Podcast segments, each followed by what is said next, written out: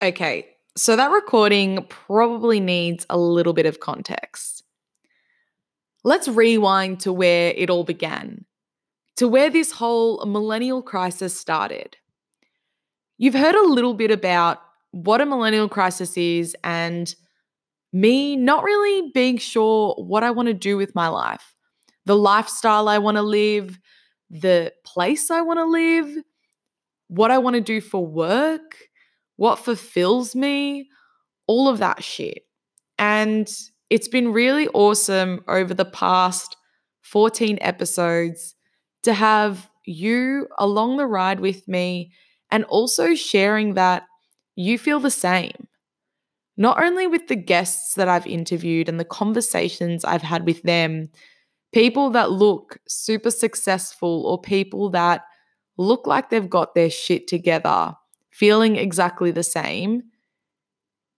And everyone else that has taken the time to message me to be like, yeah, sis, I hear you. I feel the same. So before I took this massive leap in my life, I went through this two, three year struggle of ups and downs, of lying to myself that I'm where I think I should be, of making excuses for where I was in my life. And I guess it all really started when I started my blog and podcast, when the millennial crisis began, when I started actually questioning the path I was on and feeling as though surely there's more to life. And over the past two years, I've gone up, down, round and round in this feeling and sense of yes, marketing is exactly where I need to be. I'm good at it. I'm in a job that pays well, that's a QR, that I can work four days a week and is flexible. And then in the same day or the next day, I'll be like, nope, this is not for me. I'm only going to be here for six months and then I'm going to move on. When I first got my job, my most recent job, it was supposed to be a, it was supposed to be a 6-month contract. And I had told all my friends and family I was only going to be there for 6 months. I was going to try it out, I was going to learn some things, and then I was going to move on. And then that six months turned into a year. And then that year turned into a year and a half. And there I was two years later, not looking like I would be able to leave. Not really having the balls to leave because what was I going to do next? How much better would the next job be? And more importantly, I had no clue if the career I was in was even right for me. So, what was the next marketing job going to be that this one wasn't?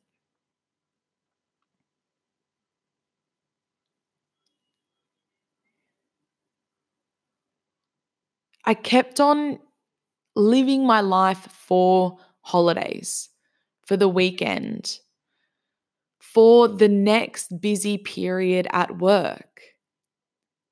And I was getting really down on myself for not having motivation to do things outside of work, not being able to work on my podcast or my blog because after doing nothing at work all day or what felt like nothing at work all day, I would come home and be exhausted, drained for no reason. And then I'd have a good day again and feel like, yep, I'm in the right place. This is okay.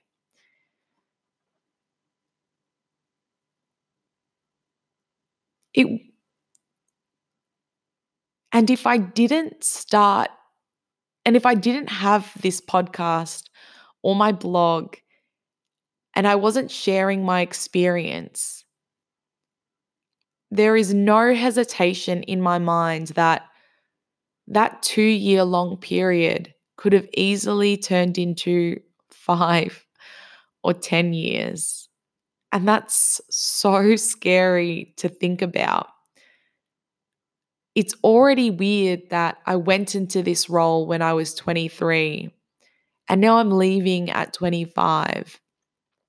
And although I am so grateful for the job, for the experiences that I had and the things I learned along the way, because I learned a lot, I still feel like there were so many days where my potential and my strengths were wasted sitting in front of a computer. It's crazy that someone with my personality, a real people's person, was in a workplace where I may have received one or two emails a day, that I had two meetings a week, and I pretty much just sat in front of my computer all day. It's funny how we can trick ourselves into staying somewhere we know deep down we really aren't meant to be. At a job that we're good at, at a place that we're comfortable, somewhere that's nice. Maybe it's quick to, it's close to your home. Maybe you've got great work friends. Maybe it's flexible. Maybe you trick yourself into being at a place that doesn't value you because you love the work you're doing. A place that maybe you're overworked, but you feel like you have to be there. It's funny how we lie to ourselves and then life can just pass us by. Just over six months ago, I set myself an experiment as part of the podcast. I wanted to see what journaling was about. I'd seen a few videos online about journaling, in particular, bullet journaling and gratitude journaling. And I just wanted to see what the fuss was about. And if I'm completely honest, I wanted some entertaining content to post. I needed more of a creative outlet, and that usually comes to me from video.